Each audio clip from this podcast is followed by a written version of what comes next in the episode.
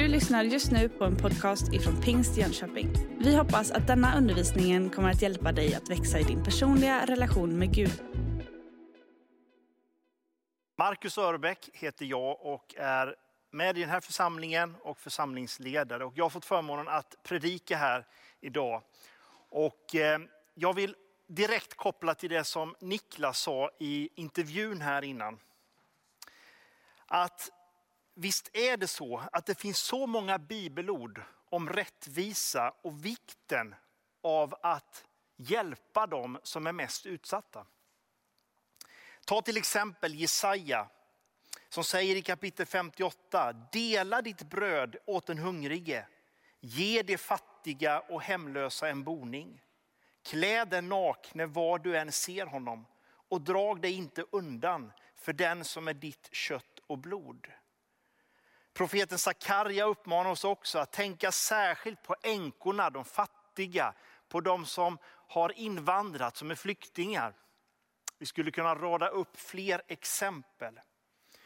Och här är vi nu, två, tre tusen år senare. Och samma fråga kvarstår. Vad kan vi göra för människor som är utsatta? Som människor som lever i fattigdom. Och under tre söndagar här nu så har vi detta som fokus. Om hur Gud räddar världen och hur han vill upprätta en rättvis värld.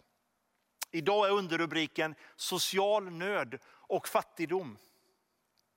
Och jag tror att du håller med mig att den sociala nöden när vi blickar ut i vårt land och utöver vår världen, den är stor. Den psykosociala ohälsan, den ekonomiska utsattheten, många som har fastnat i missbruk, konsekvenserna av pandemin är stora. Och vi hörde ju Niklas här i intervjun säga att under år 2020 och 2021 så kommer åter hundratals miljoner människor kastas in i fattigdom på grund av det rådande världsläget. För mig som troende blir det ju ändå intressant att fråga sig, vad kan jag göra? Vad kan vi göra? Vad är församlingens, kyrkans roll i den här världen när den ser ut som den gör? Och jag vill som utgångspunkt i min predikan idag läsa ifrån Jakobs brev. Och ett brev som kanske skrevs 50-60 år efter, eh, efter år 0. Och eh, Jakob är troligen Jesu egen halvbror som skriver det här. Han hade själv svårt att tro Jesus i början, men eh, senare så står det att han också blev en av de troende. Och han blev dessutom församlingsledare och ansvarig för församlingen i Jerusalem. Det är bakgrunden till den här texten och till vem som har skrivit det här som vi alldeles strax ska läsa. Och du kommer märka att Jakob är inte ute för att beskriva de stora teologiska sanningarna. Han vill tala om praktisk kristen tro. Låt oss läsa Jakob kapitel 2 och vers 1. Där står det. Mina bröder, ni kan inte tro på vår Herre Jesus Kristus, den förhärligade, och på samma gång göra skillnad på människor. Anta att det vid er sammankomst kommer in en man i vackra kläder och med guldring på fingret och samtidigt en fattig man i smutsiga kläder. Om ni så ser till den vackert klädde och säger, varsågod och sitt här, här är en bra plats. Men till den fattige, du kan stå där, sätt dig vid mina fötter. Har ni då inte kommit i strid med er själva och blivit domare som dömer partiskt? Lyssna mina älskade bröder. Har inte Gud utvalt de fattiga i den här världen till att bli rika i tron och till att ärva det rike som han har lovat dem som älskar honom? Men ni föraktar den fattige. Är det inte de rika som förtrycker er och drar inför domstolar? Är det inte det som smädar det sköna namn som har nämnts över er? Om ni uppfyller den konungsliga lagen enligt skriften, du skall älska din nästa som dig själv, då handlar ni rätt. Men om ni gör skillnad på människor begår ni synd och lagen överbevisar er om att ni är överträdare. Jakob ger dem ett väldigt tydligt exempel hur de inte bör göra. Gör inte skillnad på människor. Tänk inte olika om människor utifrån att den är fattig eller rik. Om den är född i ditt, hem, i ditt land eller har invandrat. Om det är en person som kan arbeta och betala skatt eller om hon sitter i fängelse. Vårt sätt att tänka och handla när det gäller social nöd och fattigdom handlar i stor utsträckning om vilken människosyn vi har. Vet, Gud värderar ju oss alla lika högt. Vi är alla hans unika avbilder, alla som är skapta till den här jorden. Vi kan inte jämföras med någon annan. Och så är också vi kallade att se på varandra. För ett par år sedan så läste jag en krönika, tror jag det var, i tidningen Dagen. Och den var skriven av Alf Svensson. En eh, erfaren, eh, tidigare politisk ledare i vårt land. Och han är ju dessutom från Jönköpingstrakten. Och så här skrev han den 27 juli 2018. Jag ska läsa några rader.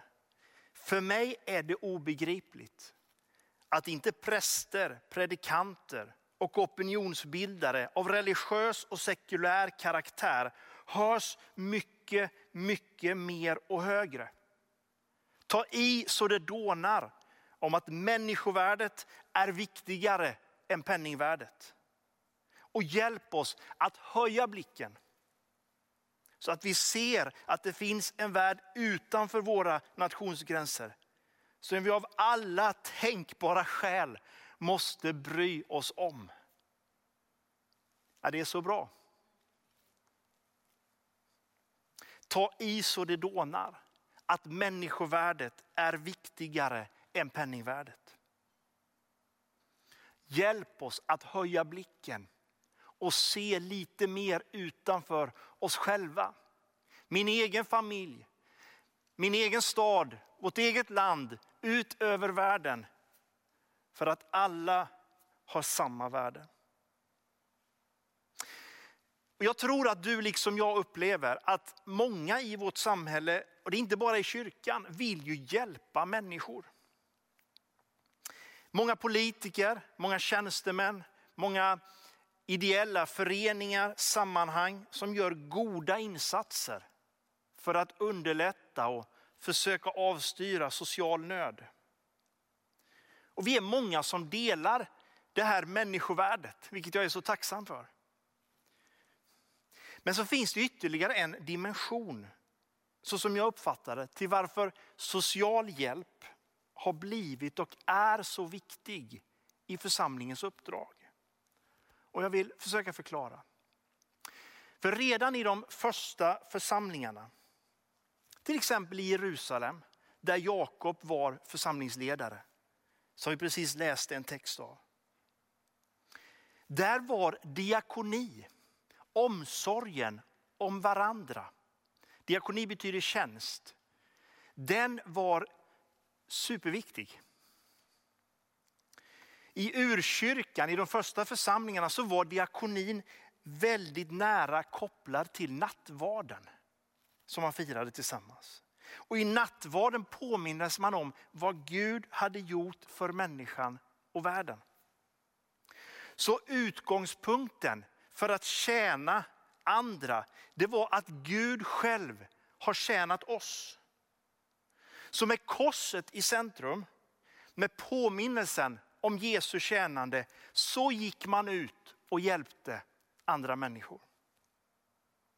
Så diakonernas främsta och primära uppgift i den första församlingen, det var egentligen att ta hand om nattvarden.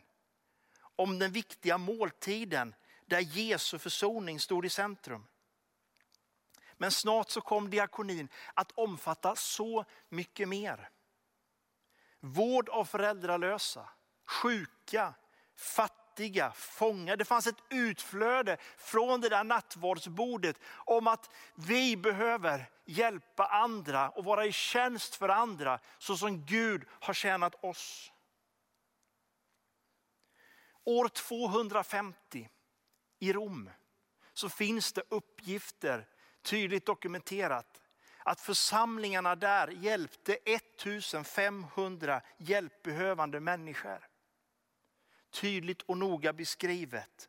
Änkor och fattiga var det speciellt. Resten är historia, som vi brukar säga. Alltså kristen mission har i alla tider varit känd för sin diakoni, för sina sjukhus, skolor. Det har varit liksom ett uttryck för Guds handlande i världen. Att hjälpa människor i nöd. Och Det har tagit sig olika uttryck och ibland har det till och med blivit samhällsbärande sociala institutioner som kyrkorna själva är med och bär för att upprätthålla samhället. Jag tänker på ett exempel. Moder Teresa som många av er har läst om och känner till. Känd för sitt utgivande liv för de fattiga i Indien och Calcutta. Drivkraften var kärleken till Jesus. Hon sa så här, vi är inga socialarbetare. Vårt uppdrag och vår tjänst är annorlunda. Vad menar hon då? Är det inte bra med socialarbetare? Det är jättebra med socialarbetare. Men så beskrev hon hur hon själv delade nattvard varje morgon. Och i den kärleken, i den påminnelsen om vad Kristus gjorde, så gick hon ut och hjälpte människor. Hon brukade påminna sina medsystrar så här. Ju mer ömsint vår kärlek till Jesus är, till livets bröd, desto mer ömsint kommer vår kärlek att vara till den hungrande Kristus i det fattigaste bland de fattiga. Fattigdomen har många ansikten. Det kan också handla om att inte få gå i skola eller att inte kunna göra sin röst hörd. Det vi läser om i Jakobs brev, det är möjligheten för dig och mig och för oss som församling att vara förändringsaktörer som vi hörde i intervjun innan. Samhällsförändrare utifrån evangeliet och dess anledning. Men vi fortsätter läsa några verser till i Jakob 2. Vers 14 läser vi. Mina bröder, vad hjälper det om någon påstår sig ha tro men saknar gärningar? Kan väl en sådan tro frälsa någon? Om en broder eller syster inte har kläder och saknar mat för dagen och någon av er säger till dem, gå i frid, klä er varmt och ät er mätta, men inte ger dem vad kroppen behöver. Vad hjälper det? Så är också tron i sig själv död, när den är utan gärningar. Nu säger kanske någon, du har tro, ja men jag har också gärningar. Visa mig din tro utan gärningar, så ska jag visa dig min tro genom mina gärningar. Du tror att Gud är en, det gör du rätt i. Också de onda andarna tror det och bävar. Men vill du inse, du tanklösa människa, att tron utan gärningar är död. Jakob sätter ju fingret på en öm punkt. Vad lätt att det kristen tro blir fina ord. Något jag enbart bekänner med min mun. Tron är död utan gärningar och retoriskt säger, skriver Jakob, försök att visa din tro på Kristus utan gärningar. Du vet att tro på Gud gör också de onda andarna. Men var är gärningarna? Tro utan gärningar är död.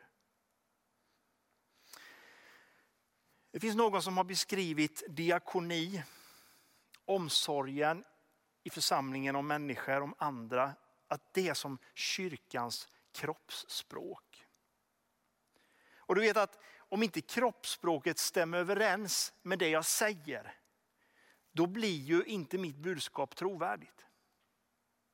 Säg att jag skulle för er nu försöka beskriva att ja, vi hade det jätteroligt igår kväll. Eh, familjen och vi hade en jättefin kväll och vi berättade så roliga historier och vi skrattade så vi inte kunde, eh, vi kiknade och vi hoppade högt. Det var jättekul. Maten var jättegod. Åh vad god den var. Det är ju ingen som skulle tro mig, eller hur? Men tänk om jag säger så här, du vet att vilken fantastisk kväll vi hade igår med familjen.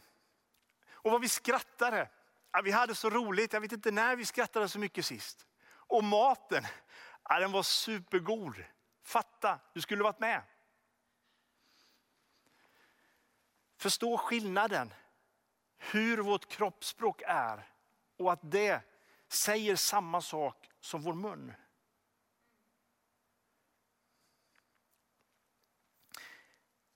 Jag tänker att när, män, när församlingen på olika sätt är med och bryr sig, när det blir ett kroppsspråk som förstärker det vi säger, då blir människor nästintill överbevisade om evangeliets kraft och kärlek.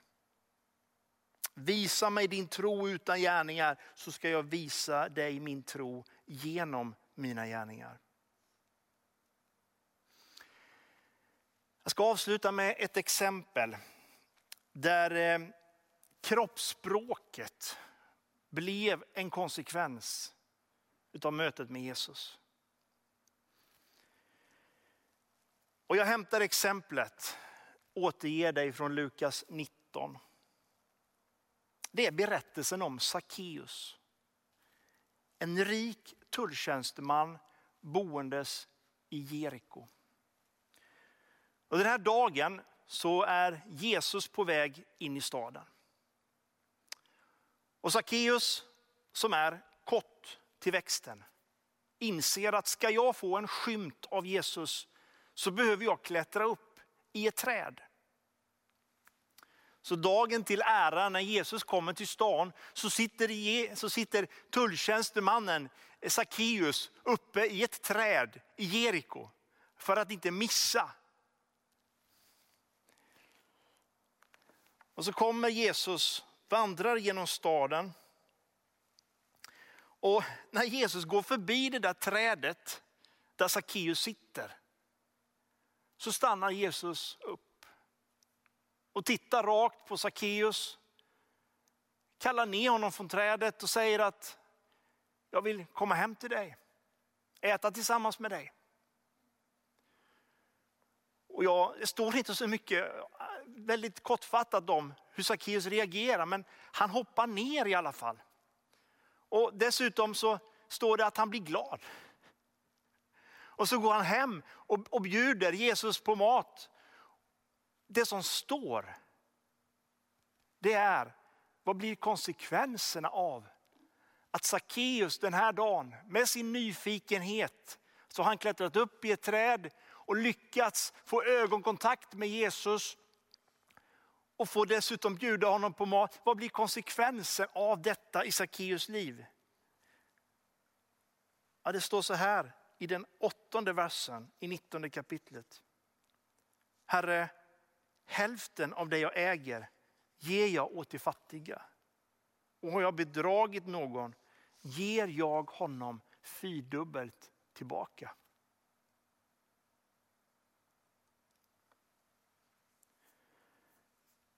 –2021 så behöver vi inte klättra upp i ett träd för att se Jesus. Det räcker med att du kanske öppnar din bibel, lyssnar på en predikan, ber en enkel bön, kanske är med på en alfakurs och förstår lite mer kring vem Jesus är. Så kan det där äga rum i ditt hjärta som blir förändrande för hela ditt sätt att se på andra människor. Jag tänker att i mötet med Kristus så öppnas våra ögon Så att vi börjar se ännu mer människovärdet istället för penningvärdet. Vi inser att vi inte bör göra skillnad på någon människa på den här jorden. Och vi blir nästintill, jag skulle nästan säga överbevisade. När vi ser våra egna tillkortakommanden och vår synd så inser vi också, nu behöver min tro få konsekvenser. Jag vill vara med och vara med i den upprättelse av den här världen som Herren själv håller på med. Jag vill vara med likt Sackeus. Vad kan jag göra? Kan jag ge till de fattiga? Kan jag, kan, kan, jag kanske bidra med någonting för socialt utsatta i Jönköping? Eller i ett annat land? Eller på min arbetsplats?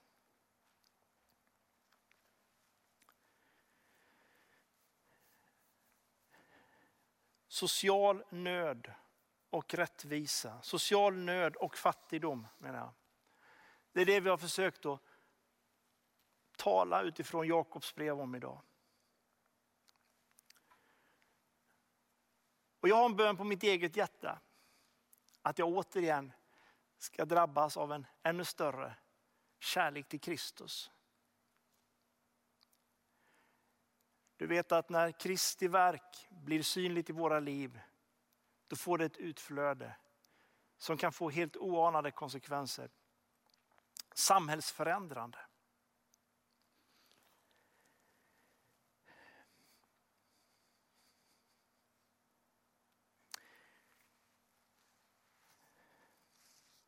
Mina bröder, vad hjälper det om någon påstår sig ha tro men saknar gärningar? Vi ber tillsammans. Herre, vi kommer till dig den här dagen och jag tror att jag talar både för mig och fler som är med i den här bönen. Att vi återkommande känner att vi behöver omvända oss. Herre, förlåt oss för alla gånger som vi misslyckas i ord och gärning. Herre, vi ber om mjuka hjärtan. Låt ditt tjänande och ditt utgivande vara exempel för våra liv där vi finns. Herre, jag ber, låt din församling få vara en samhällsförändrare både i ord och handling. Där vi förkunnar ditt evangelium så att det blir trovärdigt och, och, och eh, tydligt och klart. Herre, så ber jag dig att allas vårt kroppsspråk, både den här församlingens kroppsspråk, våra egna kroppsspråk där vi finns Herre. Att de får överensstämma med de ord som vi säger. Jag ber så i Jesu namn. Amen.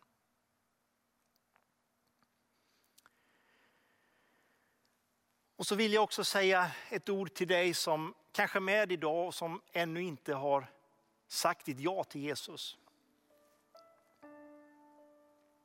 Idag finns en möjlighet att få säga det där Ja Jesus. En möjlighet att få bli frälst. Du kan be en enkel bön där du finns och säga Herre förlåt mig mina synder. Jag vill följa dig. Jag bekänner dig som Herre i mitt liv. Och jag tror att i det ögonblicket så kommer det också att finnas en röst inom dig som börjar mana dig på ett positivt sätt. I glädje, precis som för Sackeus.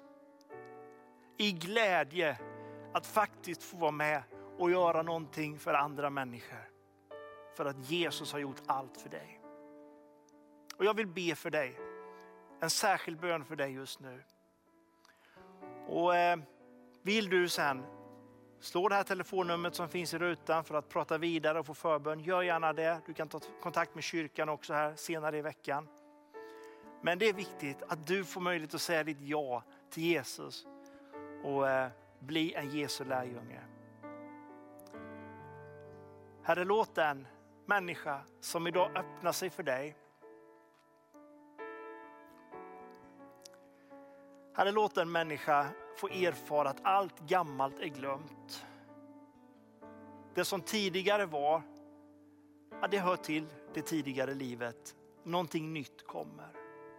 Tack Herre att du står där med en öppen famn för varje människa, oavsett bakgrund, vad vi har varit med om. Jesus, det är den välkomnande famnen som du bjuder oss in till. Och jag ber för den som idag har sökt din frälsning. Tack att den människan på sin bekännelse och tro på dig är räddad. I Jesu namn. Amen. Du har just lyssnat på en podcast ifrån Pingst Jönköping. För att få reda på mer om vilka vi är och vad som händer i vår kyrka så kan du gå in på pingstjonkoping.se eller följa oss på sociala medier via pingstjkpg.